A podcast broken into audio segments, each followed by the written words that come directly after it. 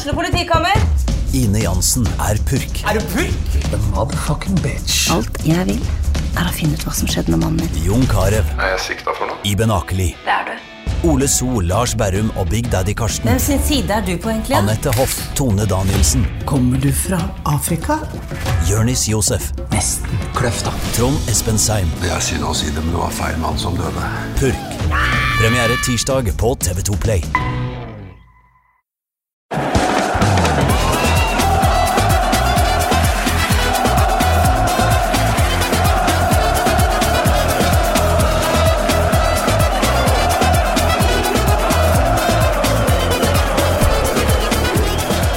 Velkommen, velkommen, velkommen og god jul der hjemme. Dette er Pyro og Pivo, og vi nærmer oss faktisk episode 50. Vi er ikke helt der ennå, den kommer på nyåret.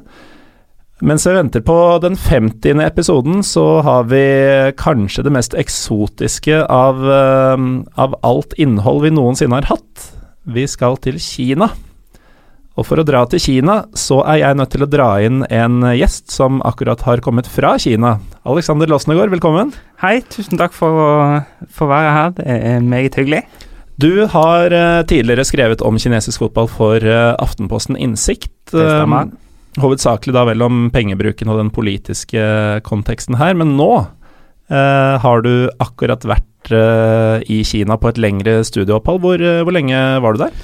Jeg kom eh, 1.9., og så kom jeg tilbake nå eh, på eh, 7. desember, blir det vel. Så rett i overkant av tre måneder. Akkurat nok til at man blir fornøyd og litt lei, kan vi vel si. Eh, men eh, ikke lenger enn at jeg hadde klart meg en liten stund til òg. Og mange vil vel anta at du var der for å studere, men først og fremst var det vel for å, for å se fotball? det blir jo eh, naturligvis sånn når man er så fotballinteressert som eh, vi er, at selv om det var studiene som trakk meg dit i første omgang, så kommer jo fotballen naturligvis kjapt etter. Hva var eh, studiet? Eh, Juss. Juss, ja. Så det var litt, eh, kanskje et litt spesielt studium å dra til Kina, vil vel kanskje enkelte tenke, men det var litt av det som gjorde det såpass interessant òg å se litt eh, forskjeller. De var overraskende åpne om at eh, systemet ikke er nødvendigvis er helt ideelt, mens det var noen professorer som noen av mine venner hadde, som eh, var tydelige på at det var enkelte ting de kunne diskutere, og enkelte ting som de definitivt ikke skulle diskutere. Så det var vel Kina på godt og vondt, kan vi si. Det høres ut som sånn jeg eh, forestiller meg Kina. Eh, Da du skrev eh, for Aftenposten Innsikt, så var det vel hovedsakelig basert på ting du hadde lest deg opp til og satt deg inn i? Det var det. Um, de har hatt dette som de kaller for en fotballplan, rett og slett. Eh, Når noe skal gjøres i Kina, så utarbeides det planer. Enten det er ting som skal bygges, eller ting man skal utrede, eller om man skal bli god i fotball. Um, så den første planen kom vel i 2015 eller 2016. Um, og det var litt sånn um, Det var mest visjoner og uh, håp for fremtiden, får man si. Det er jo da angivelig president Xi Jinping som er stor supporter. Uh, Manchester United-supporter, um, mener jeg å ha lest. Og eh, der var på en måte hovedtrekkene at de ønsker å være vertskap for VM. De ønsker å I første rekke burde de jo ønske å komme til VM. Mhm. Der har de vært én gang i 2002. Um, og så vil de til syvende og sist vinne et VM. Og så er jo selvfølgelig spørsmålet hvordan man skal komme seg dit, da. Og dette er Vi kan jo ta litt av bakgrunnen før vi går løs på ditt uh, lille Kina-eventyr denne høsten. Uh, grunnen til at kinesiske klubber uh, for et par år siden tilsynelatende begynte å spy ut penger i hytt og pine, det var altså som ledd i en større politisk plan? Ja, det var et ledd i denne fotballplanen, hvor da tanken rett og slett var det at for å heve nivået på ligaen, så er vi nødt til å få inn bedre utlendinger. Og dermed så ble eh, rett og slett investorer eh, oppfordret, bl.a. lokket med eh, mindre skatt dersom de investerte i fotballklubber. Og det fikk jo åpenbare konsekvenser, som vi har sett. Nå er vi jo eh, rett på vei inn i den perioden igjen hvor eh, alle halvgode og halvdårlige spillere i Europa kommer til å bli linket til kinesiske klubber. Eh, Pga. regelverket og sånn som det er, så er det jo begrenset hvor mange av disse ryktene som faktisk har noe for seg. Mye av det kan man rett og slett kaste på båten. Eh, de kan ha tre utlendinger, De kan starte med tre utlendinger. Eh, det er gått ned én fra 2016. Da var det tre utlendinger pluss én spiller fra eh, den asiatiske føderasjonen. Um, nå er det bare tre, sånn at det begrenser jo veldig hvor mange man faktisk uh, kan ha. En Også, utlending er nå en utlending? Altså ja, en utlending er, er en utlending. Mm. Um, og så er det jo da med på å føre selvfølgelig til at de som hentes bør være av et såpass kaliber at de utgjør en forskjell. Og det har vi jo sett de siste årene med Eh, Alex Texeira, som var linket til Liverpool og Chelsea før han endte opp i Jiangsu Suning. Eh, Ramires, som endte opp samme sted. Oscar til Shanghai SIPG, um, osv. Men det var altså et ledd i denne fotballplanen hvor disse investorene langt på vei kunne sikre seg eh, skattelettelser og litt politisk goodwill, rett og slett, ved å investere i fotball. Um, og nå har man jo på en måte vent litt tilbake igjen. Nå har de forsøkt å hente inn igjen litt av dette, for nå syns man det gikk litt over bord, bl.a. med kinesiske investeringer i Europa. Så nå er det sånn at man prøver å stramme inn igjen kranen litt. Grann. Mm. Nei, for uh, da, da, dette begynte, så vidt jeg husker, så var det vel i 2015 at de første sjokkovergangene ble klare, og da var det jo ikke måte på hva man tenkte her til lands. Jeg husker det var snakk om, eh, om klin gale investorer som bare skulle kaste bort alle penga sine på middelmådige til gode fotballspillere. Og at uh, sånn som den moderne fotballen var blitt, da, med, med mindre klubbfølelse og, og hele den greia der, Eh, at det var bare tidsspørsmål før alle var i Kina. Men, men, det var det aldri noen fare for da, med disse reguleringene? Nei, det var det definitivt ikke, men det minner jo unektelig litt om en annen liga som jeg er glad i, Major League Soccer, eh, USA og Canada. Der var jo òg oppsto det jo òg denne tanken om at eh, plutselig så kom alle til å ende opp i USA eller i Canada og fullføre sine karrierer der. Nå ser vi jo det at eh, strømmen kan du si har avtatt. Det er òg, om man ser på de utlendingene som spiller der i dag, og som har spilt i Kina, så er det ganske tydelige profiler på spillere som eh, de beste klubbene, de som er best på rekruttering, henter. Så er det selvfølgelig eh, andre klubber som henter litt av alt mulig, og det er jo det som gjør at denne ryktemøllen kan spinne og gå videre. Men det kommer nok ikke til å bli noen sånn eh, bonanza til Kina denne vinteren heller, det tror jeg ikke. Det du nevner med at klubbene scouter og planlegger eh, overgangene sine på forskjellig måte, er jo egentlig ikke så ulikt eh, mer etablerte vestlige ligaer som Premier League. Det er jo det samme kunne du sagt om noen av topplagene der, og, og lag som Everton f.eks. Definitivt. Det er noen som er bedre på rekruttering enn andre. Men uh, det jeg håper å få ut av denne episoden med deg, Aleksander, det er jo å få svar på um, det jeg lurer på, det er jo bl.a. Om, om kinesisk fotball er like sprø som ja, for så vidt klubbnavnene, men da spesielt de siste års pengebruk indikerer. Uh, foreløpig så er jo det du sier egentlig ganske logiske ting. At det er, at det er et skal vi si tankefundament som, som, er der for at ting ikke skal gli ut av kontroll. Eh, men jeg håper at når vi kommer mer inn på dine personlige erfaringer, at det blir litt sykere. Det kommer litt eh, krydder etter hvert, det skal, skal, jeg forsikre deg om. Og da kan jeg jo nevne for dere lyttere at uh, Alexander har en uh, både fortid og vel nåtid, vil jeg tro, uh, til studentradioen i Bergen, og da spesielt fotballprogrammet Offside. Yep.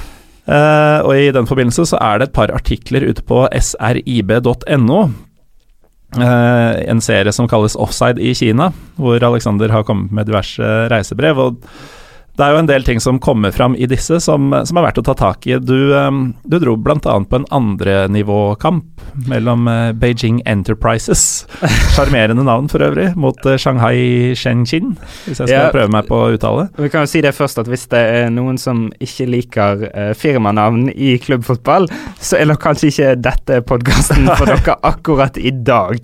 Um, men det var den første kampen som jeg var på i Kina. Det var vel i underkant kanskje av 24 timer etter at jeg landet i Beijing. De som kjenner meg, vil sikkert ikke bli så veldig overrasket over akkurat det.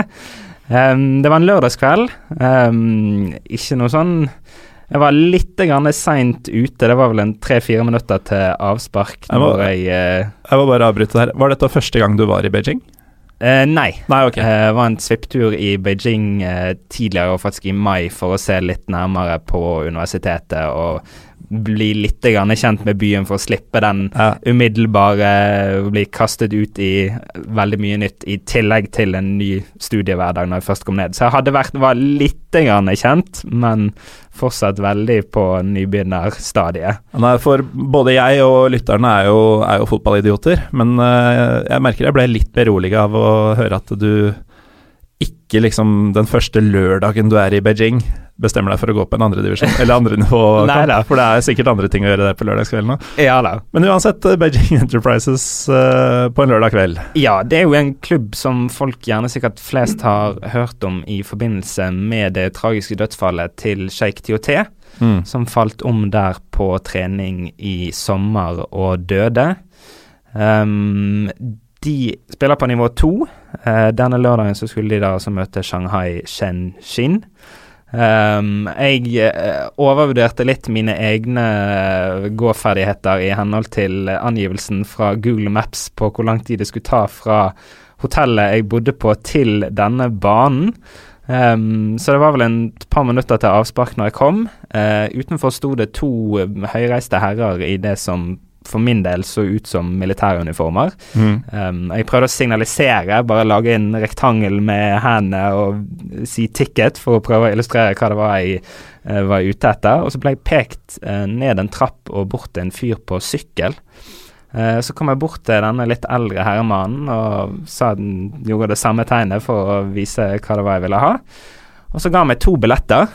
Og så prøvde jeg å signalisere og fortelle nei, jeg én person. Jeg skal bare ha den ene billetten. Uh, nei, nei, to, uh, to, billetter, 100 yuan. Uh, Ca. 120 norske kroner. Og så fortsetter jeg, og det kom folk til høyre og til venstre og kjøpte billetter. Og, og de fikk én hver? De fikk det antallet som de angivelig så ut til å skulle ha. Um, og dette er jo noe man kan signalisere til folk uten å kunne språket i landet? Det er det jo. Man det er jo ikke og... nødvendig å kunne så veldig mye. Nå er Uh, en på kinesisk det heter vel da yi, som man etter hvert lærer etter betraktelig antall bilder, hvor det er yi r sun, som er nedtellingen til man uh, fotograferer. Ah. Men til slutt så konkluderte jeg bare med at hvis jeg skulle komme meg inn på den kampen, og komme meg inn uh, før altfor mye var skjedd, så måtte jeg rett og slett bare betale for de billettene. Så det var litt sånn litt skal man le eller grine. Jeg valgte å le av det og kjøpe de to billettene og legge den ene som et suvenir i sekken og heller komme meg inn. Uh, og da selvfølgelig, når jeg sto i billettkø, så hørte jo det at ballen gikk i nettet for første gang. Um, da var det Beijing som hadde tatt ledelsen. Og så kom jeg inn, og det er litt sånn Det kjennetegner mye av fotballen i Kina. Det er um, altfor få tilskuere i forhold til kapasitet på stadion. Og det er ikke kun fordi det er få folk på kampene, det er vel eh, overdimensjonerte anlegg eh, i stor grad? Ja. Eh, her var det snakk om en stadion som vel tok eh, ved tippe rundt 30 000, rett i underkant av 30 000. Eh, og vi kan umulig ha vært mer enn en eh, 3000-5000 på den kampen, inkludert vel rundt 15 som hadde tatt turen fra Shanghai. Det er en fire og en halv timers togtur på lyntog, betraktelig mer hvis du tar litt eh, saktegående tog. Um, mye, mye faktisk åpen eh, tribune opp til det som eh, jeg antar var uh, disse spillernes wags, uh, i den grad uh, det var rett og slett noen som hadde funnet, funnet ut for gitt å dele livet med disse på nivå to i kinesisk fotball. Det er nok ikke den mest glamorøse tilværelsen, men ellers en ganske god blanding av familier, politimenn, vakter av ulike slag. på banen den var det vel litt sånn Ikke årets norske cupfinale lik, men litt tidligere cupfinaler som har foregått på denne tiden av året. Det var ikke helt uh, plettfri gressmatte. Det tror jeg vi må kunne, kunne fastslå. Men så snudde Shanghai etter hvert den kampen, uh, og da hjalp det heller ikke at fyrtårnet Victor Anichebe kom inn mot slutten. Det, det, var rett og slett et navn som jeg hadde glemt hadde tatt veien til kines. Det er litt sånn Det, kan, det var ikke han som fikk overskriftene? Nei, det kan vi komme litt tilbake til senere. Men det er et par navn her som jeg vil anta at det er en del av lytterne som nok hadde tenkt var ferdig med sine fotballkarrierer. Det er i hvert fall det jeg har eh, innsett når jeg har sett over litt sånn utlendingsoversikten. Eh, Veldig mange som tenkte at Ricardo Vasté, den store Bolton-helten Fins han også fortsatt? fortsatt var aktiv. Det er han, vet du.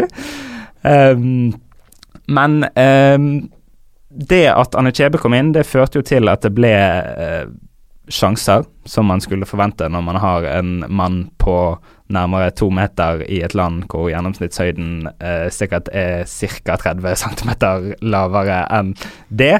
Men det var jo ikke klarte han å avslutte sjøl de gangene han fikk sjansen, og ikke klarte medspillerne å avslutte når de fikk sjansen. og Dermed så ebbet min første fotballkamp på kinesisk eh, jord ut med en borteseier da til Shanghai. Det skulle dessverre bli litt betegnende for Beijing-lagene som jeg skulle følge videre senere òg. Og i dette tilfellet så gikk du da glipp av det ene målet Beijing skåra? Det gjorde jeg. Uh, det er én ting min far alltid har lært meg når det gjelder fotballkamper, så er det at uh, man går ikke på toalettet i løpet av en omgang, og man går heller ikke fra stadion før kampen er over.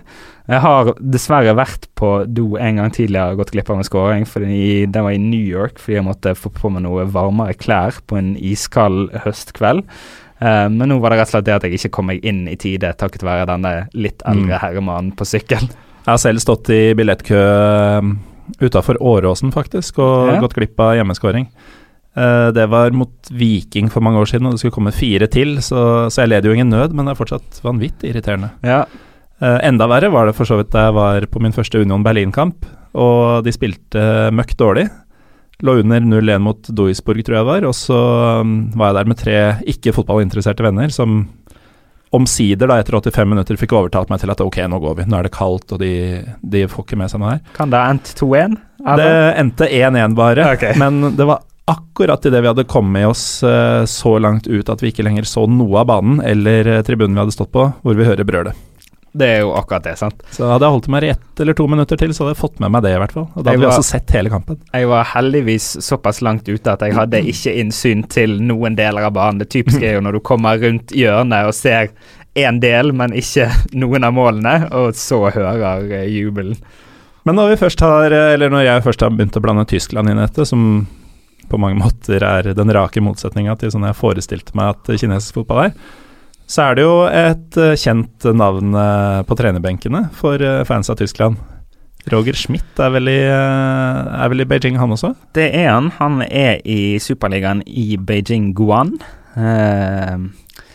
høyreist, sorthåret mann i tilsvarende sort treningsgenser og grå bukse på sidelinjen der. Um, Gjør han mye ut av seg?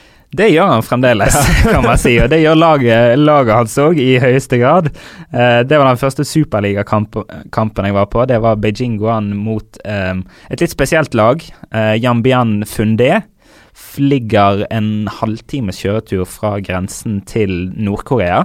Har historisk sett stort sett hatt etniske spillere fra den bestemte regionen av Kina. Vært litt sånn Kinas uh, Atletico Bilbao, mm. kan du rett og slett si.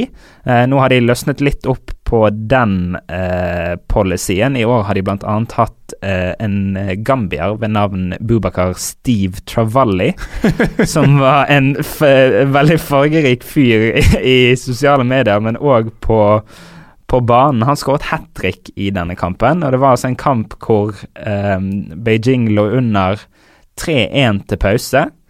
Og så kom de ut i et forrykende Roger Schmidt-tempo i andre omgang. Presset høyt, sånn som vi var vant til mm. å se Leverkosen. Hadde kort vei til mål når de vant eh, tilbake ballen. Antagelig fått juling i garderoben i pausen? Sannsynligvis. Eh, det var i hvert fall ikke kos og klapp der. Det, det ville overraske meg. Og så snudde de det faktisk da til 4-3. Ja vel.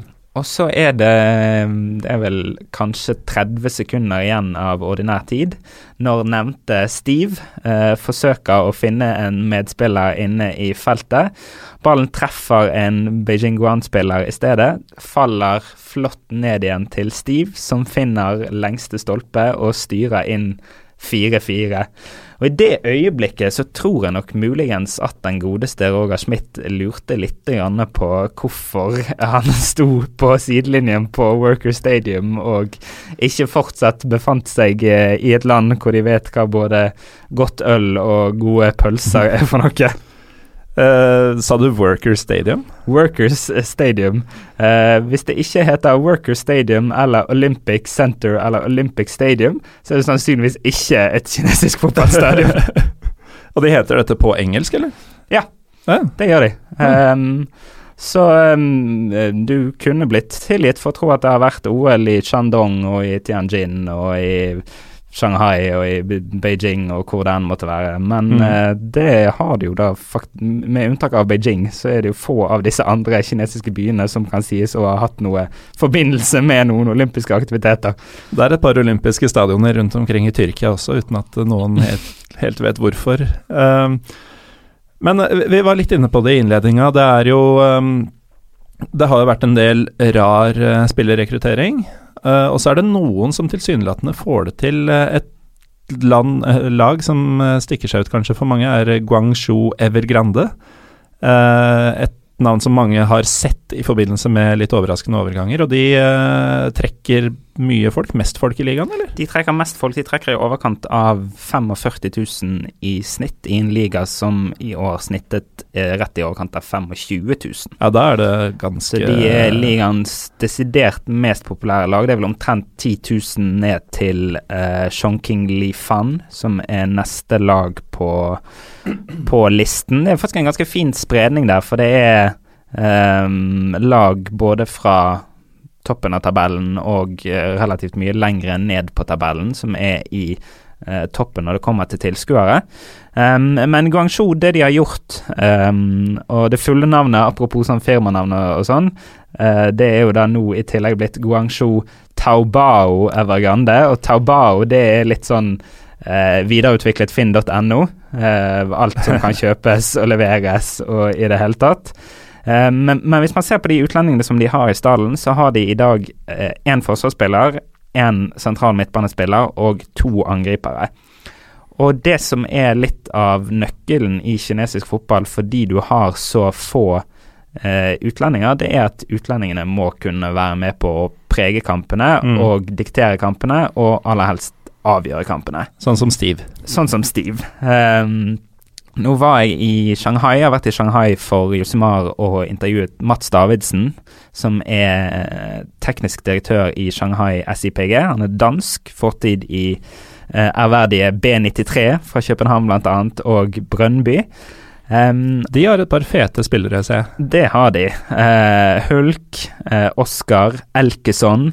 Uh, Ahmedov, som kom inn sammen med Villas Boas før sesongen. Villas Boas trakk seg jo nå etter eh, denne sesongen, sannsynligvis fordi eh, det har blitt spekulert i at det skyldes eh, åtte den åtte kamper lange karantenen som Oscar fikk tidligere denne sesongen for å ha sparket ballen i retning jeg tror ikke han traff engang, i retning en motspiller. Mm. Som rett og slett gjorde at Villas Boas fikk nok av det kinesiske fotballforbundet og hele systemet, angivelig. Um, men Davidsen han sa det at uh, uansett hvor dårlig høyreback de hadde hatt, om du så hadde hatt den dårligste kinesiske høyrebacken i ligaen, så ville han aldri ha signert en utlending for å spille høyreback, for du får rett og slett ikke påvirket kampen nok. Da er det bedre å ha Carvalho i midten? Eh, det, det, kan diskuteres ut ifra det så nøye var der nede. Kanskje på tide at han legger eh, støvlene på hyllen.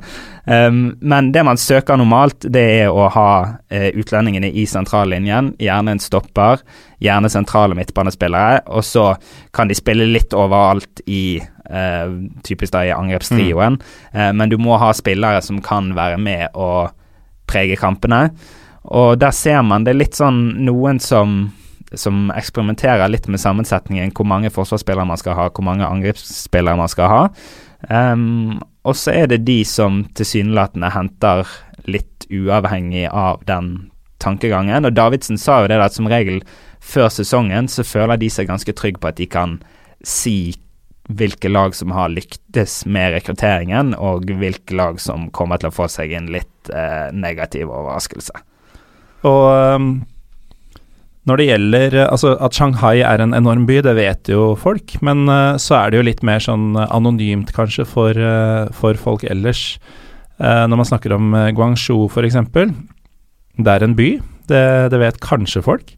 Men det er jo en 13-14 millioner mennesker der også. Og når vi snakker om de største byene i verden, eh, når vi begynner å prate om New York og London og, og sånne ting som den, eh, i, i, det sjiktet, så er vi jo ikke i nærheten. Det er en megaby. Kina har over eh, 100 byer med over 1 million innbyggere, men kun 65 eller 66 profesjonelle fotballklubber. Mm. Kan man smake litt på den i forhold til tall og sånt. Eh, men det er en storby, ligger like nord for eh, Hongkong, som det sikkert er betydelig flere som, som kjenner til. Eh, Riktignok ikke for fotballårsaker.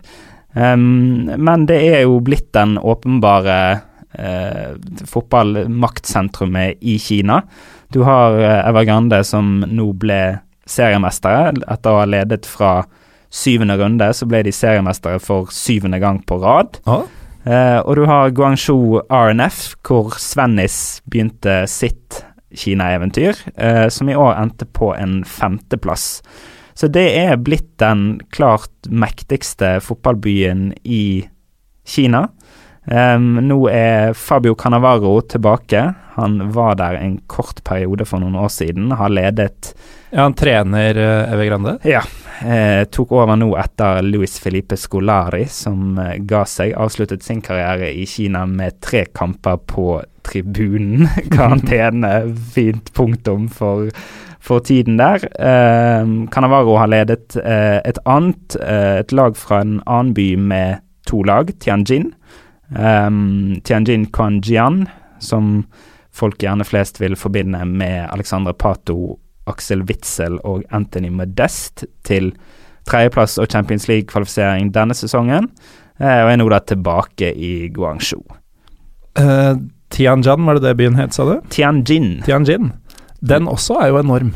Det er også enorm. Den ligger ca. en uh, halvtime med høyhastighetstog, riktignok unna Beijing. Det er vel en 120 km som skiller de to. Um, ehm, 15 millioner innbyggere, sånn cirka. Uh, og det er vel enkelte som har spådd at i fremtiden så vil da Beijing og Tianjin smelte sammen til en sånn 50 millioners eh, drømmescenario, skrekkscenario av en metropolis, alt ettersom hva man føler for. Ja, for Jeg hadde nesten tenkt å spørre om det er to eh, håper å si jevnbyrdige byer, eller om det blir en slags Kembo-forstad til Beijing, men det, ikke ennå. er kanskje Ikke ennå, men eh, det kan nok bli det.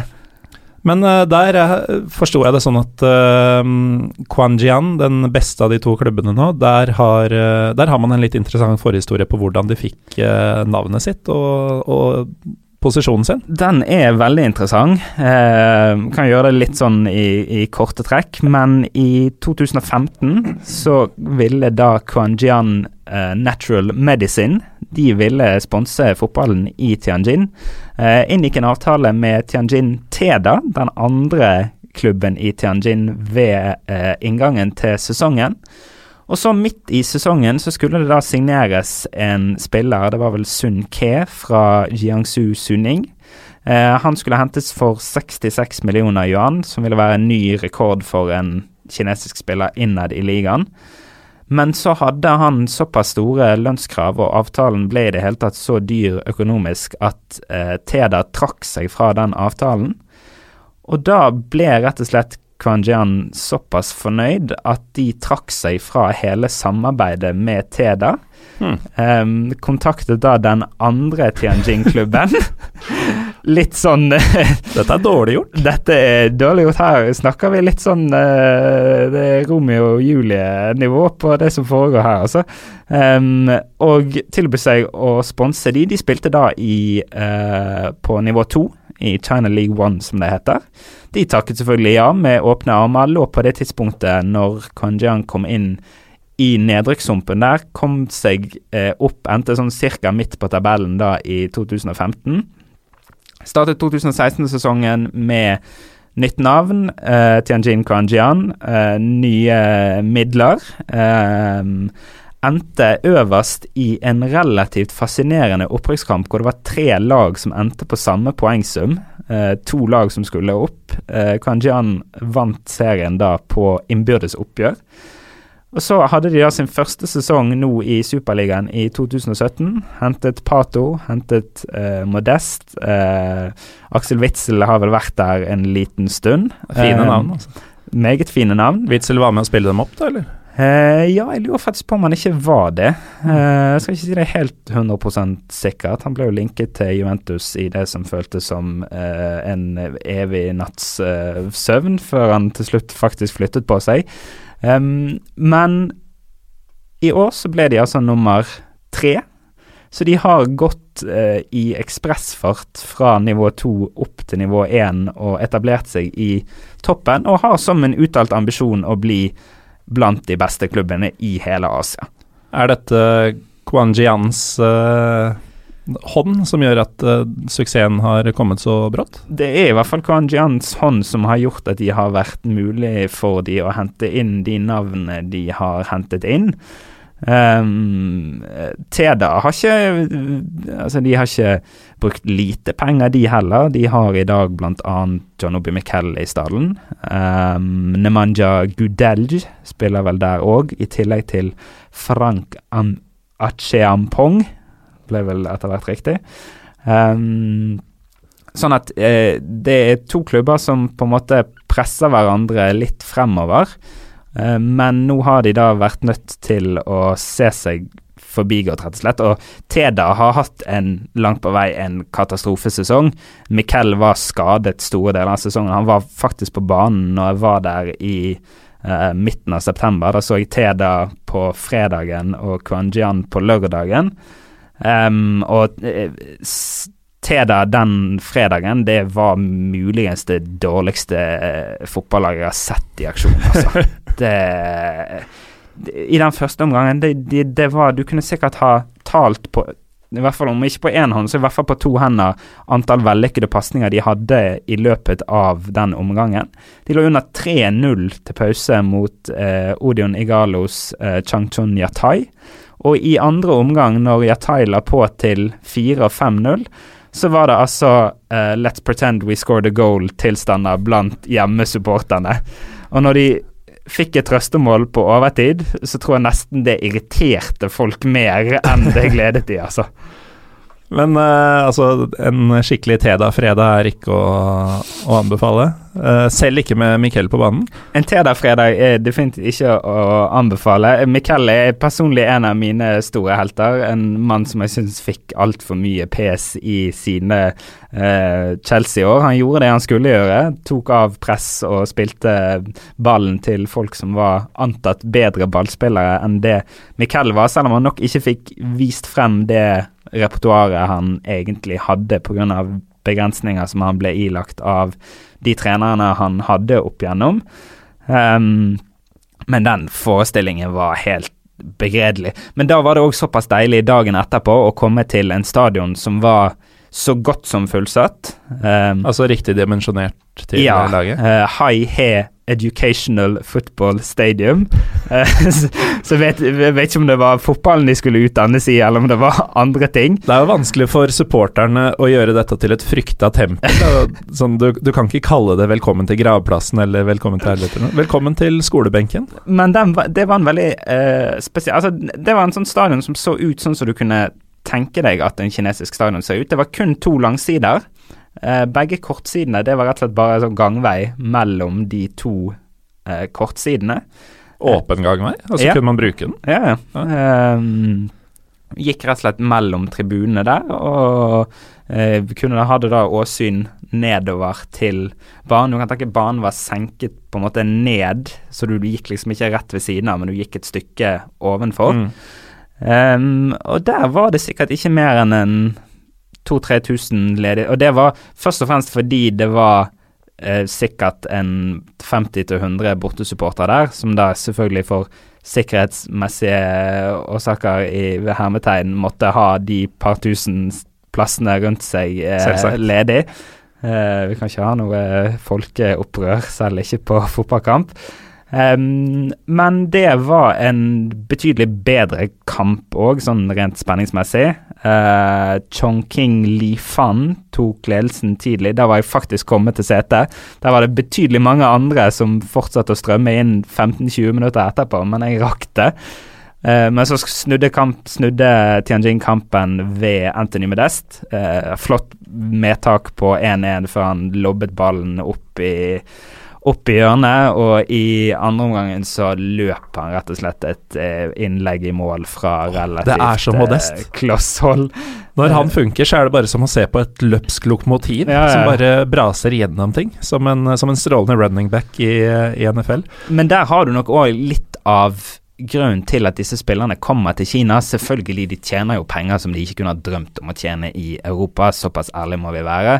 Men å se måten eh, Modest ble hyllet på, se måten eh, Jonathan Soriano eh, hos Beijing Guan når han skåret i denne etter hvert famøse 4-4-kampen mot Jambian, ble hyllet, så er det et eller annet der òg i det å få være med og skape en fotball Kanskje er det idealistisk av meg, kanskje det er litt naivt, men jeg liker i hvert fall å tro at hvis jeg hadde vært aktivt sjøl, så hadde det vært et eller annet pirrende i det å kunne sette fotball litt på kartet og være med og være en pådriver, eh, selv om lønnsposen nok er den største pådriveren. Såpass. Ja, og så er det jo muligheten for en type som eh, Soriano eller Modest, som, eh, som ikke, selv om Modest hadde en strålende sesong i Køllen i fjor, mm. men de, de, er jo ingen verdensstjerner. Å kunne komme et sted og bare herje og være den som selger draktene og Jeg vet ikke hvordan draktsalg fungerer i Kina, men jeg antar at det er en stor greie. I Europa er de jo en av mange. Eh, I Kina så blir de relativt mm. unike. Ja. Um, og det er selvfølgelig det, det tiltrekker en del av, av disse navnene. Uh, men når det gjelder um, Modest og, og disse andre Um, føler du at um, Altså, spiller byene på lag? Når vi snakker om Vi har vært innom både Roger Schmidt og jeg var innom Union Berlin, og nå er vi i Køllen plutselig med Anthony Modest. Men i Tyskland eh, spesielt så snakker man jo om fotballbyer. Og så har man forskjellige definisjoner på hva en fotballby er. Men uh, Runar Skrøvseth, som har vært med her før, han definerer det som en by hvor du merker at det er fotballkamp den dagen, selv om du ikke er i nærheten av stadion. Uh, er det noen byer som stikker seg ut i positiv forstand her? Vi har vært innom uh, Guangzhou, som har to lag som gjør det bra, hvorav det ene trekker 45 000 i snitt. Men uh, hvordan er det i Kina? Har du noen sånn ordentlige fotballbyer ennå, eller er det et stykke unna? Du har nok noen, men, men, først og fremst så er det nok en prosess fremdeles. Det er en, en vei å gå. jeg var i Shanghai. Uh, og der, uh, som sagt, for å snakke med Mats Davidsen, teknisk direktør i Shanghai SIPG, og han sa det at på de årene som han nå har vært der, så har han merket seg det at nå er det på kampdag så er det drakter i gatebildet. Du ser for han blir stoppet oftere hjemme i mm. sitt nabolag av folk som vil snakke fotball, som har lyst til å uh, Som engasjerer seg i det de gjør. Um, og han sa jo det, altså i Kina så er eh, søndag klokken 19.35 eh, Det er fotballtidspunktet. Det er da kampene i sin store helhet spilles.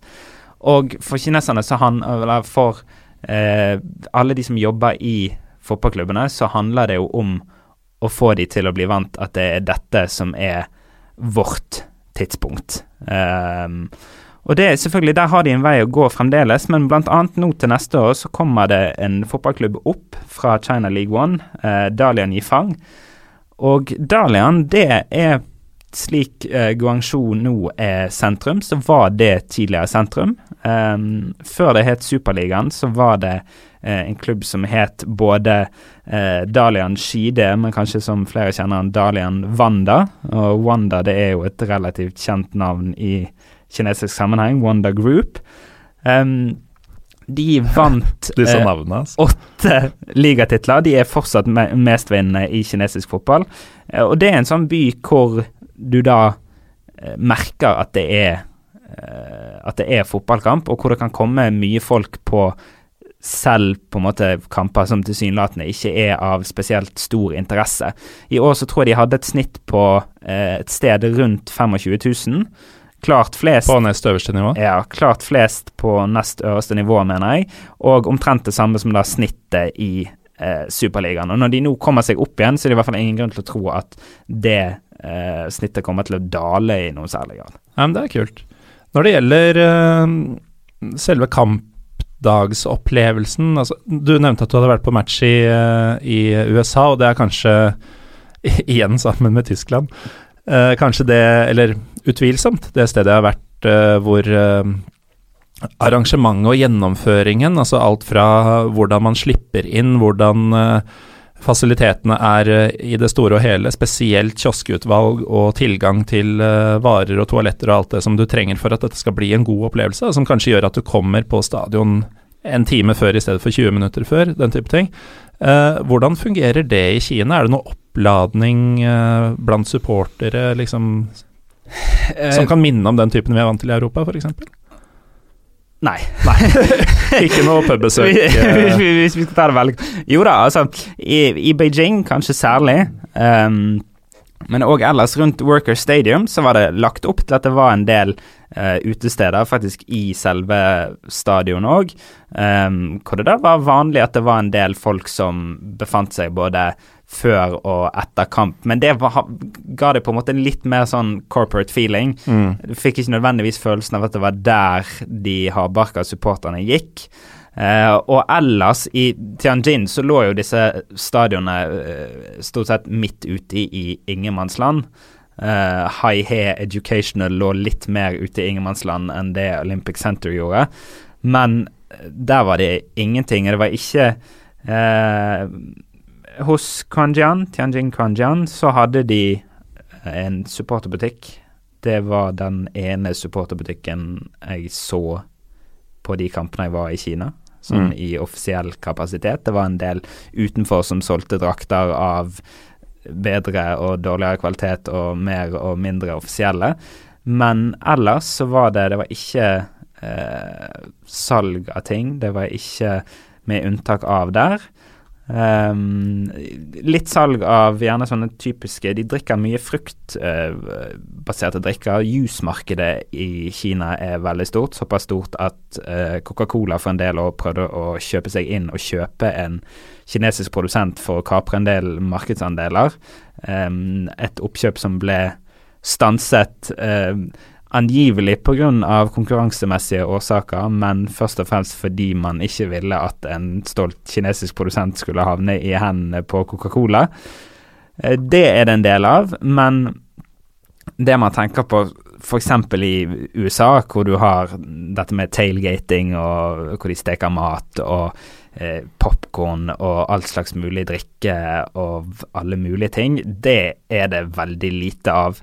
Eh, sånn sett så kan du si at det er det, det stemmer jo litt overens gjerne med det man tenker om Kina litt ellers. Det er lite dilldall. Du, kom, du kommer på stadion for å se to ganger 45 og kanskje se et par mål hvis du er heldig, og så går du hjem igjen etterpå, og det er som regel det. Men det er litt merkelig at det ikke er en større sammenheng mellom pengene som pumpes inn i fotballen, og, og muligheten til å hente penger ut igjen. Eh, I og med at eh, hvorfor ikke ha organisert eh, drakt- og supportersalg på stadion, f.eks. Ja, det er unektelig ganske pussig. Um, det kan jo skyldes langt på vei det at altså mye av det som handles i klesveien i Kina, det er rett og slett med Altså det, I Beijing så var det mye mer eller mindre dårlige kopier. Uh, du kan kjøpe joggesko hvor det står Adibas i stedet for Adidas, eller hvor Nike-logoen er studd speilvendt eller på hodet, eller videre. Man, det tegner jo et visst bilde. Uh, jeg betalte vel for de draktene som jeg kjøpte, så betalte vel 30 yuan per drakt. Det er jo da en 40 kroner Mm. sånn cirka. Og du kjenner det litt på, på kvaliteten, at det, det er ikke brukt de stoffene som vi er vant til. Men bortsett fra det, så er det helt habile ting. Og da spørs det rett og slett kanskje akkurat der om det ligger nok i det, eller om du rett og slett vil ende opp med å bli utkonkurrert av Ja. litt sånne halvdårlige kopier uansett, og at det der, dermed ikke er til syvende og sist ikke er verdt det. Um, men det er jo, som du sier, merkelig at man på en måte ikke ser i større grad etter hvordan man kan få pengene ut. Men det var jo òg et av punktene i denne fotballplanen. De har ikke en fotballkultur. Så de må bygge en fotballkultur. Jeg husker når jeg gjorde research til denne innsiktsartikkelen og bl.a. leste dette her med at ehm, man skulle lage eh, TV-serier og filmer. Da- går jo tankene til Goal 1 og Goal Mm. 2, 3, 4 og eh, mobilspill. Så blir man litt sånn eh, Ja vel, det var en merkelig måte og på en måte En litt sånn kunstig måte å skulle bygge kultur på. Men så kommer man ned der, eh, står på metroen f.eks. i Beijing, og det er ikke et par øyne som ikke er festet på en mobilskjerm. De ser på serier, de ser på filmer, de ser på eh, WeChat, på Weibo, på alle mulige ting. Um, jeg sto på en togstasjon i Xi'an på slutten av oppholdet. Jeg reiste litt rundt om i Kina, skulle til eh, Chengdu, sto og ventet på nattoget. Eh, sto og hørte på noe musikk, tok opp mobilen for å bytte sang. Og da kom det var en eh, mann som hadde stått litt par meter bortenfor meg og sett litt på meg litt sånn undrende. Det var en del av Kina hvor de åpenbart ikke var eh, så vant til utlendinger. I hvert fall ikke på en togstasjon hvor det gjerne er samlet folk fra litt ulike deler av, av landet. I Beijing så er man Altså der er det veldig lite spesielt å være Mm. utlending, men ellers, gjerne spesielt i Nord-Kina, men òg litt sånn ellers, så er det fortsatt litt nytt for en del mennesker. Ja, kanskje spesielt det at du var eh, på toget og skulle drive og finne fram på egen hånd, i stedet for å ha en egen sjåfør eller taxi. Eller, Ja, da stikker man seg nok litt Mm. grann ekstra ut. Um, og da når jeg tok opp mobilen for å bytte sang, så kom han rett og slett bort til meg. Sa ingen verdens ting, gjorde ikke noe eh, mine til å skulle ha kontakt på noen måte. Sto rett nærmest skulder, eh, skulder til skulder med meg og bare så på, fordi han da var interessert i hva jeg eventuelt som eh, hvit uh, person fra Vesten sto og så på av serie eller film eller hva det skulle være. Så sto han der sikkert i en gode to minutter, uh, og jeg hadde byttet sang på Spotify, var ferdig med det og var litt sånn Skal jeg snakke til han? Skal jeg gjøre Så jeg, var, jeg gikk inn på på noen norske nettsider og leste en nyhetssak eller to og bladde litt opp og ned, så litt i sidesynet. Mest for å gjøre noe? Ja, mest for å ikke bare sånn stå helt sånn passiv. Han ble stående, og så etter en to-tre minutter så tuslet han tilbake til bagen sin og satte seg ned igjen. uh, jeg ser at jeg har uh, egentlig et spørsmål uh, lenger nede, som, som er like greit å ta nå. Um, det merkeligste du opplevde i Kina. Og da kan det jo være fotball, men det kan også være en eh, fyr som gnir seg inntil deg på togstasjonen for å se om du Ja, jeg tror at grunnen til at du sier at det kan òg være andre ting enn fotball, er at du har en liten anelse om eh, hva som kommer. Nei, det er ikke sikkert jeg har, men Eh. eh, jeg antar at det har skjedd en del eh, spennende ting å velge mellom i løpet av tre måneders tid i, i Beijing. Det har det. Um, det mest spesielle, sånn rent eh, kulturforskjellmessig um, Det var noen av uh, de jeg studerte med som spiste hund, det sto jeg over. Men uh, Du prøvde ikke en eneste gang, Nei. så mellom oss to Det gjorde jeg ikke. Men kinesere har en greie med engelske navn. Når Kina ble åpnet for utlandet, så ble de rett og slett etter hvert så lei av utenlandske forretningsmenn som forsøkte å uttale kinesiske navn, at de rett og slett fant ut at de skulle ta engelske navn. Og det er da, I dag så er det veldig vanlig, Mm. særlig når man går inn i utdanningssammenheng. Uh, høyere utdanning så har de som regel alltid et engelsk navn du kan kalle de etter. Og det er jo en veldig merkelig greie for oss som eh, hvor navn er så tett knyttet opp til identitet. Hvis, du nå, hvis jeg nå plutselig skulle kalt deg Alexander, og du skulle kalt meg Morten, så hadde det blitt helt det, Vi Ja. hadde ikke blitt ferdige her, for det hadde skurret sånn med det vi er vant til. Ja, men jeg, jeg kunne ikke pulled off uh, Alexander, Nei, tror jeg. nei men, men man blir sånn, sant. Du kjenner visse folk som heter visse ting, og skaper deg et bilde av Mm. disse personene. Så blir man sånn Ja, det kunne jeg umulig ha hett. Ja, ok, kanskje jeg kunne hett det eller det. Men her tar de altså De kan hete Shen, eller eh, Altså, det kan, være, det kan være enkle kinesiske navn, men selvfølgelig, hvis de har litt vanskeligere, så kan de hete eh, sine kinesiske navn. Også, men du kan kalle meg Charles eller Steve. Mm. Og så, så blir man jo sånn Ja, ok, merkelig. Og i et av eh, Dette er egentlig en todelt historie. Eh, I et av fagene som vi hadde, så trengte vi kinesiske navn for å melde oss opp. Og da sitter man der sånn, Du får den beskjeden, så sitter du der litt uh, Nei, engelske navn, selvfølgelig. Så sitter man der litt perpleks. Um, nei, kinesisk navn. Nå, Ja, for du eh, har jo i praksis et engelsk navn. jeg har et engelsk navn. Alexander. Hei, hyggelig. Um, og så blir man litt sånn perpleks, og sånn Venter de på at man skal komme med et forslag sjøl? og så stødig kinesisk var jeg aldri i nærheten av å bli at jeg kunne foreslå noe kinesisk navn. Så denne lærerassistenten tok med dette registreringsarket opp til læreren. Så så læreren på navnet litt og smakte litt på det. Alexander, Ale, Ali Yeah, Ali, uh, like the boxer, you know. da var det selvfølgelig eh, Muhammad Ali, Thriller in Manila eh, osv. Det, fins jo verre personer å bli kalt opp etter enn Muhammad Ali. Det vil jeg jo virkelig si. Eh, det ble da mitt kinesiske navn, som jeg da fikk se hvordan skulle staves. Som jeg da måtte bruke og skrive disse tegnene senere da når vi skulle oppgi navn i ulike sammenhenger i dette faget. Um, men så går det også, som sagt andre veien med at de velger seg kinesiske navn. Uh, og vi hadde språktime, hvor da eh, læreren vår drev og delte oss om, lærte oss om kinesiske ord som typisk er todelte og består av på en måte en innledningsfrase og en avslutningsfrase, og så settes disse sammen, og så får du et ord. Um, og så kom det opp en eller annen vits eller et eller annet i en sammenheng, um, og så lo hun veldig sånn hjertelig og koselig, og så sa han sånn Uh, my son would have really liked that. Yes, watermelon would really have liked that. Hans engelske navn var uh, Hans engelske navn det var da vannmelon. Og vi lo jo så vi visste jo nesten ikke hvor vi skulle gjøre av hverandre. Og hun lo med oss, og vi var jo litt sånn litt usikre på om hun skjønte hvorfor vi lo. Um, men det, det var altså helt helt naturlig. Du kan treffe på kinesere som heter Sniper og Superman og Batman og altså De tar ting fra eh, kulturfenomener, fra frukt, tydeligvis, fra alt mulig merkelig. Og det er jo helt Men altså, det er så mye små episoder eh, rundt om fra hele tiden, egentlig. Um, dette nattoget fra Xi'an til Chengdu eh, fikk øverste kupé, satt sammenkrøket. Du måtte ha rullet det sammen til en ball for å kunne sitte øverst der. Eh, det var sånn man måtte huske på å ikke smelle, taket opp, eh, smelle hodet opp i taket når man sto opp morgenen etterpå.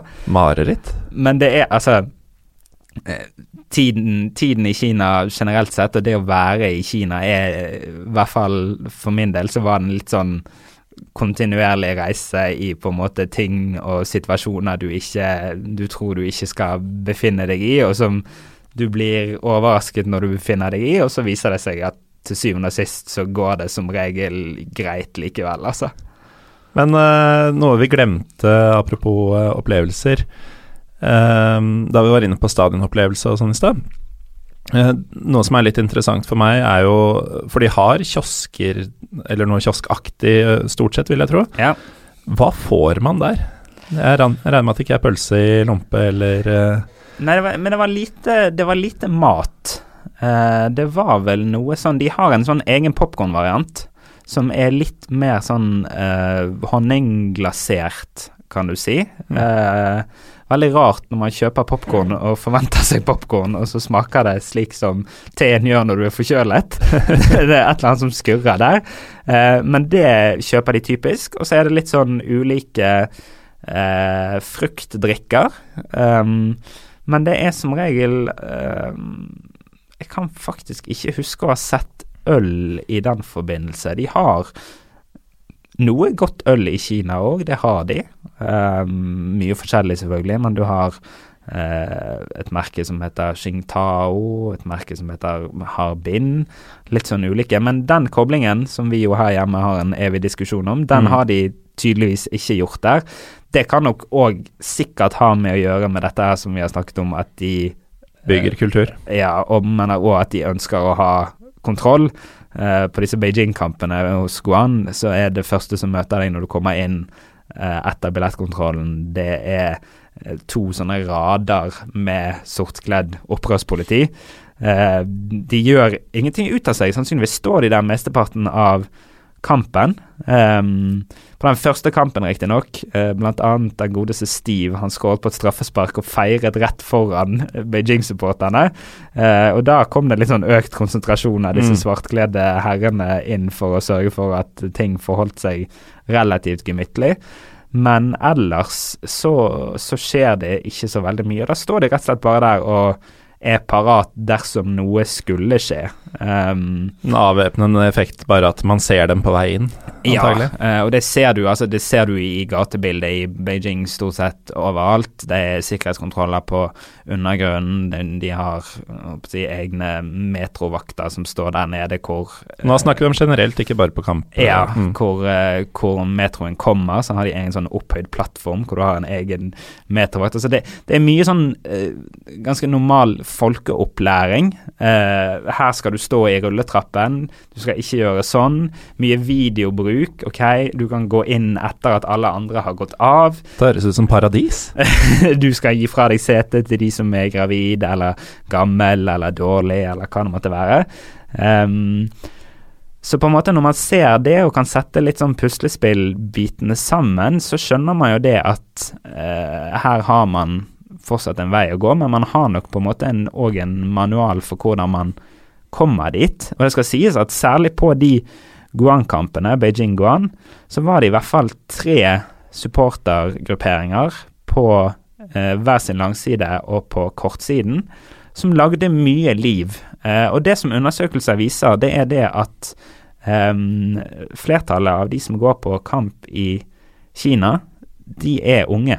Eh, det er eh, generasjonen eh, omtrent på alder med spillerne som går på kamp. Det er lovende. ja. det var blant annet en ting som Mats Davidsen påpekte. For i Danmark så er problemet det at der er det folk i den eldre generasjonen fra 50 og oppover. Det er som regel de som går på kamp. Mens man har problemer med å tiltrekke seg de unge, fordi de unge har så mye annet å velge mellom. Mm. Um, de unge i Kina har òg mye å velge mellom, men eh, man lykkes i stor grad i å trekke unge folk på kamp. Eh, de kommer, de lager liv. Eh, det er òg faktisk en eh, relativt god kvinneandel. Eh, man ser kvinner òg aktivt blant de aktive, eh, kall de hardbarkede supporterne. Um, sånn at det lover, som, som, du sier, veldig godt for fremtiden. Er det at de ehm, Eller det at de har såpass mange unge på stadion, kan tyde på at denne taktikken som du var inne på i stad, om å bygge fotballkultur med å appellere til apper og mobilspill og sånt, at det har fungert? Ja, I hvert fall foreløpig? Ja, enn så lenge så kan det jo se sånn ut. Um, og Davidsen fortalte det at han fra han kom til Shanghai, så har han nærmest sånn gradvis kunnet se altså Jeg får det nesten et sånn timelapse-bilde hvor tribunen gradvis fylles. Det begynte med at det var én eller to deler som var røde, og så har de kommet videre del etter del. Eh, og nå er de i snitt eh, 30 000 på kampene til SIPG. En relativt fersk klubb. Eh, og det viser jo at man har lykkes med å skape i hvert fall en viss fotballkultur. Og så er det jo sannsynligvis ingen som er bedre da rustet til å være med på å skape fremtidens fotballkultur enn disse unge supporterne. Mm. Eh, når det gjelder eh, ferske klubber, vi kan jo ikke snakke om Kina uten eh, å ta for oss det som i hvert fall er mest utfordrende for min del, kanskje. Og antagelig for deg også, for du er vel ikke Du er langt fra flytende i noen nei, av de kinesiske nei, nei. språkene? Det, det er kinesiske standardfraser det stort sett går i. er jo fryktelig vanskelig, er det ikke det, å forholde seg til de forskjellige klubbene når man ikke kan språket, med så liktklingende navn på både byer og sponsorer og alle disse navnebyttene i, når nye sponsorer kommer inn og bytter klubb og sånt noe? Hvordan, uh, hvordan, klarer du å ha, være så skjerpa her, fordi du har jo full oversikt uh, på hvem som er hvem, og hva som er hva? Ja, det, altså det er litt sånn, uh, som du sier, det er, det er vrient, men det jeg pleier å gjøre, det er jo Altså ved en introduksjon og når man omtaler de for første gang, så må man selvfølgelig ha fullt navn, men det som er lettest, og som regel Nå er det tre byer som har to klubber eh, foregående sesongen. Det blir fire neste sesong, for da kommer òg eh, Beijing Renhe opp fra China League One sammen med Dalian Yifang. Mm. Men det som er lettest, er jo eh, litt òg som jeg gjør når jeg omtaler eh, MLS-klubber, og rett og slett bruke stedsnavn og tenke på stedsnavn Mm. først. Um, fordi det òg er lettere for folk å knytte noe til det. Hvis du bare sier Evergrande eller eh, Luneng eller eh, Suning eh, Suning selger som regel hvit, hvite, hvitevarer i Kina. Det er Kinas type svar på Elkjøp og Lefdal. Sånn Hvis du sier det, så på en måte klarer, du ikke, klarer ikke folk å skape noen assosiasjoner til disse klubbene. Um, og da er det litt sånn lettere å knytte det til knytte det til stedsnavn. Men kanskje det som er det mest problematiske sånn rent språkmessig, det er at billettene legges som regel bare ut på de kinesiskspråklige tjenestene. Mm. Uh, det er der du kan kjøpe offisielle billetter gjennom. Og Derfor så endte jo jeg opp hver gang jeg var på kamp med å kjøpe som vi har hørt, svartebørsbilletter med litt ulike, ulike situasjoner jeg endte opp i. Hver eneste gang. Ja, det var, det var på en måte en Ja, og det var på en måte en ny vending hver gang òg. noen ganger ender du opp med å betale mer enn det du skulle fordi du plutselig må kjøpe to billetter og ikke én. Eh, andre ganger så er du såpass kloss på kamptid at du får kjøpt en billett kanskje til 200 kroner mindre enn det han egentlig skulle koste, fordi man bare rett og slett er interessert i å bli kvitt den. Mm. Um, men til f.eks. til andre kamp i den kinesiske FA-cupfinalen nå, det var byderby mellom Shanghai Shenhua og SIPG. Shenhua vant på bortemål. Obafemi Martins storspilte. Kanskje en annen eh, mann som det ikke var så mange også som hadde tenkt på fortsatt er aktiv. Jeg blir så glad for å høre dette. For ikke fordi eh, disse nødvendigvis skal spille fotball fortsatt, men bare det å vite at de er i live. Ja, ja, ja. Det feirer fortsatt på samme måte. Leddene holder. Det, det er fascinerende. Eh, Der havnet altså ingen billetter har- var tilgjengelig for offentligheten for salg før på kampdagen. Og det førte til at svartebørsmarkedet der den, akkurat den kvelden eh, er jeg relativt glad for at jeg ikke var en del av, for der var det stive priser, for å si det pent. Um, men man, selvfølgelig, man lurer jo òg på, på lovligheten av dette her en del ganger, særlig i den forstand at i Tianjin så var det altså en anledning hvor det eh, Det var det eneste stedet hvor jeg var i stuss over jeg kom til å få billetter. Det var på den Teda-kampen. Ironisk nok på en kamp hvor det var sikkert 10 000 på da Olympic Center med kapasitet til i hvert fall det femdobbelte. Eh, Men så plutselig så dukket det opp en herremann med en svær plastpose som han trakk opp en 20-30 billetter fra. Og så fikk han solgt en ti av de som cirka til de som sto rundt meg. Og så kom det en politimann bort. Streng beskjed, vekk med de billettene. Eh, flyttet seg ca. 20 meter til venstre, og så fortsatte salget med uforminsket styrke. Og da var det ingen som brydde seg heller. Um, sånn at den vanskeligste delen hvis du kommer til Kina og vil gå på kamp, kanskje kan si på en måte den vanskeligste delen, men òg den letteste delen, tatt i betraktning at du får som regel billett pga. av etterspørsel kontra tilbudet hvis du først bare tropper opp, det er dette at du får ikke kjøpt gjennom offisielle kanaler. Jeg var jo selvfølgelig redd for på et tidspunkt å bli stoppet og få beskjed om i billettkontrollen at her har du kjøpt katten i sekken, dette er en Mm. falsk billett. Um, derfor er det jo en idé å sjekke datoer. Tall står på vanlig vestlig måte, så det kan være en grei måte å se det på. Er det noe og- sånn vannmerkeaktig greie Eh, på billettene? ja, det vil som regel være i hvert fall eh, logoen til ligaen på. Det er som Mm. regel et, et, et godt tegn på at du eh, er i ferd med å kjøpe en offisiell billett. Det er for øvrig et eh, godt tips til eh, alle dere lyttere der ute. Hvis dere skal til litt mer grisgrendte strøk og se fotball, så ta gjerne og google litt hvordan billettene ser ut, og, og legg merke til noen detaljer som dere kan se på hvis dere skal kjøpe fra noen lyssky typer. Det har jeg gjort, og det har gått bra hver gang. Men uh, det krever sin mann. Det krever sin mann. Men uh, for folk som skal til eh, Kina og se fotball, da, så er det ikke noe tilsynelatende ikke noe vits i å stresse med å prøve å ordne dette på forhånd, fordi du opplevde alltid å få billett, eller? Ja, Opplevde alltid å få billett, og um, ja. Hvis noen stresser med det på forhånd og får det til, så får de gjerne gi meg en beskjed. For det eh, Akkurat hvordan den billettprosessen fungerer sånn rent offisielt, det hadde det vært kult å få oversikt over en gang. Du har, en, eh, du har i hvert fall to grunner da, til å komme tilbake til Kina. Det ene er jo å få mestre av den, billettkjøp eh, offisielt, eh, samt å spise hund. Samt å spise hund. Mm. Uh, men hvorfor, helt til slutt, Aleksander, Alexander, hvorfor bør man dra til Kina og se fotball? Det er vel uh, ikke sånn at folk tar en sånn impuls helgetur som de ville gjort i Polen eller Sverige, men, eller England.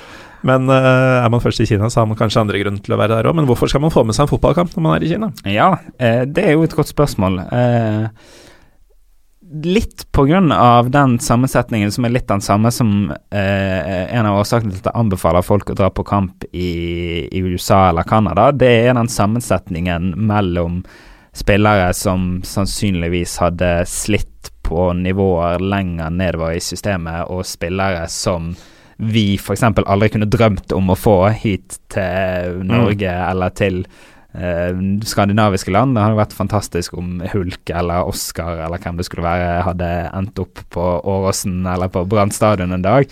Men den dagen tror jeg rett og slett ikke kommer.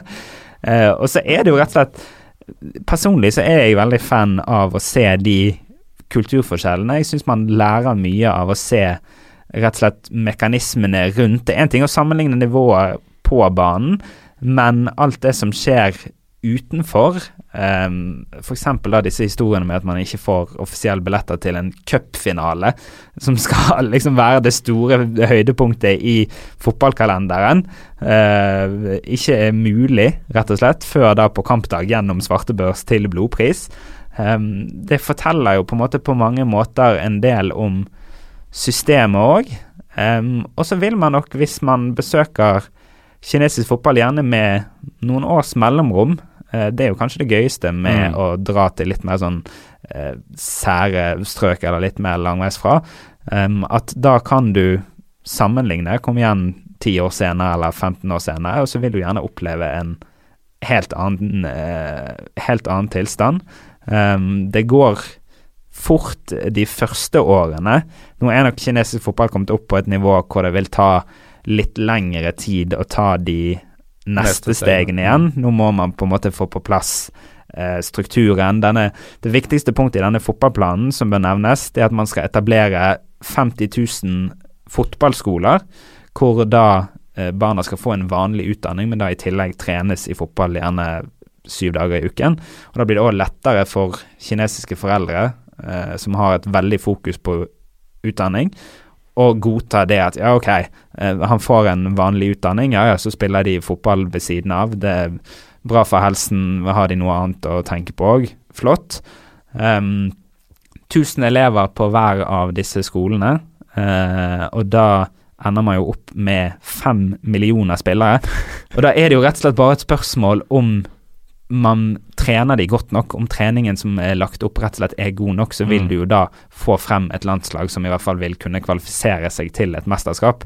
Det er ofte grasroten som er problemet i en del av disse asiatiske landene, hvor på en måte man ikke blir oppfordret til lek på samme måte som vi gjør her hjemme. Det er òg kanskje ikke så overraskende for folk, men det er litt vanskelig å finne fotballbaner i Beijing sånn innimellom motorvei og byhus. Og en by som Shanghai f.eks. finne mellom skyskrapere på 300-400-500 meter. Det er ikke bare bare.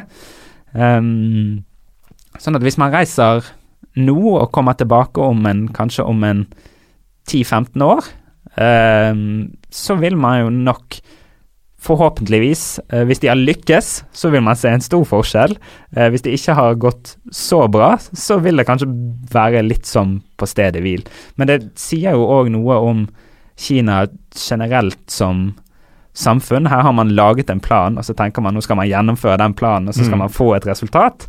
Og så vil da tiden vise om på en måte man møter litt den realiteten som resten av verden står overfor, at i en idrett som fotball, så er det ikke nødvendigvis bare å lage en plan og forvente at du skal få resultater. Nei, det er en del variabler der som du kanskje ikke har eh, overalt ellers, men eh, Jeg sa egentlig helt til slutt, men aller helt til slutt, eh, noe som egentlig ikke har så mye med fotball å gjøre. Hvordan vil du ranke Beijing som, som storbyreisemål kontra andre steder du har vært? Jeg syns jo Beijing har en fantastisk verdi rent kulturelt og rent historisk. Det er jo det som er det, det store trekkplasteret. Eh, sammenlignet med f.eks. Shanghai, som gjerne Det er et av de store rivaleriene i kinesisk fotball òg, det er denne Beijing-Shanghai-rivaleriet mellom det litt mer vestlig inspirerte Shanghai og det litt mer eh, kulturelle og tradisjonelle Beijing. Um, fantastisk mye spennende hvis man er eh, opptatt av historie, hvis man er opptatt av å forstå litt mer av hvorfor Kina tenker sånn som de gjør. Eh, fantastisk nasjonalmuseum som går gjennom historien helt fra de tidlige dynastiene, og hvor man bl.a. vil se det at Kina har jo en mye lengre eh, tradisjon for interaksjon med utlendinger enn man gjerne ser for seg. Det ikke, har ikke tradisjonelt sett vært et så lukket samfunn som man gjerne forbinder det med fra mm. Mao sin tid. Um, og så er det fantastisk kulinarisk òg. Det er imponerende hvor mye du kan gjøre med nudler. Uh, de kan serveres med så fantastisk mangt. Um, og nå er det jo forholdsvis gode forbindelser til uh, Beijing òg. Man må gjerne innom uh, f.eks. København eller Frankfurt eller London, men det er en ganske grei reise å ta. Og det er mulig. Jeg var der, Første gang jeg var der, så var vi der fra en torsdag til en mandag eller tirsdag.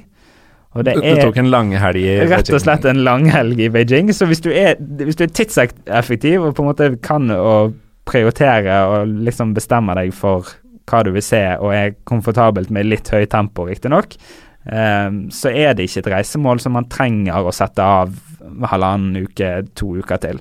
Men et stort tips det er å kombinere det med å komme seg litt rundt ellers. Tognettverket er fantastisk utviklet. Det er lett å kombinere f.eks. med en reise til Xi'an og se terrakottahæren, og så videre til Shanghai. Så hvis man setter av litt lengre tid, så vil jeg anbefalt å f.eks. da begynne i Beijing og ende opp i Shanghai med noen stopp på veien. Takk til deg for at du kom, Alexander Losnegård. Tusen takk for at vi kom, Morten. Og du kommer også med en reportasje om Kina og kinesisk fotball i Josimar nå på nyåret. Så til dere lyttere, unn deg et abonnement og sjekk ut uh, den saken. Um, vi kommer også til å linke til et par av de nevnte um, offside-artiklene uh, om, uh, om, ditt opphold i Kina etter hvert. ellers så heter jeg Morten Galaasen. Vi er Pyro Pivopod på Twitter og Instagram. Fortsatt god jul og godt nytt år.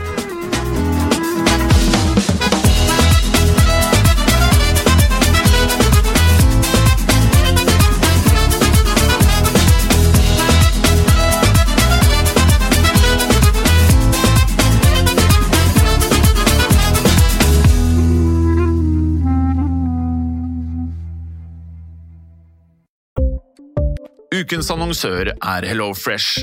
HelloFresh er verdens ledende matkasseleverandør og kan være redningen i en travel hverdag. Mange av oss har nok vandret i butikken både sultne og uten en plan for middagen, som ender med at vi går for de samme kjedelige rettene gang på gang. Middag burde være dagens høydepunkt. Som HelloFresh kan du nå velge mellom 25 ulike retter hver eneste uke, eller få HelloFresh til å sette sammen menyen for deg. Dette gir deg muligheten til å prøve nye og spennende retter alene eller sammen med familien. Du velger antall porsjoner og får alt levert på døren på et tidspunkt som passer for deg. Oppskriftene er enkle, og maten er lett å lage både for store og for små. Ved å få alt levert hjem får du også mer tid til å dele matgleden med familie og venner. Kanskje det frister med asiatiske tacos eller greskinspirert kylling? Da kan jeg anbefale deg om å gå inn på hellofresh.no. Her kan du bruke koden FOTBALL og få opptil 1779 kroner i rabatt på de første fem matkastene hvis du ikke har prøvd Hello Fresh tidligere. Du kan også bruke rabatten hvis du har vært kunde og stoppet abonnementet ditt for tolv måneder siden eller lengre. Gå inn på hellofresh.no og bruk koden FOTBALL. Har du et enkeltpersonforetak eller en liten bedrift? Da er du sikkert lei av å høre meg snakke om hvor enkelt det er med kvitteringer og bilag i fiken, så vi eh, gir oss her, vi. Fordi vi liker enkelt. Fiken superenkelt regnskap.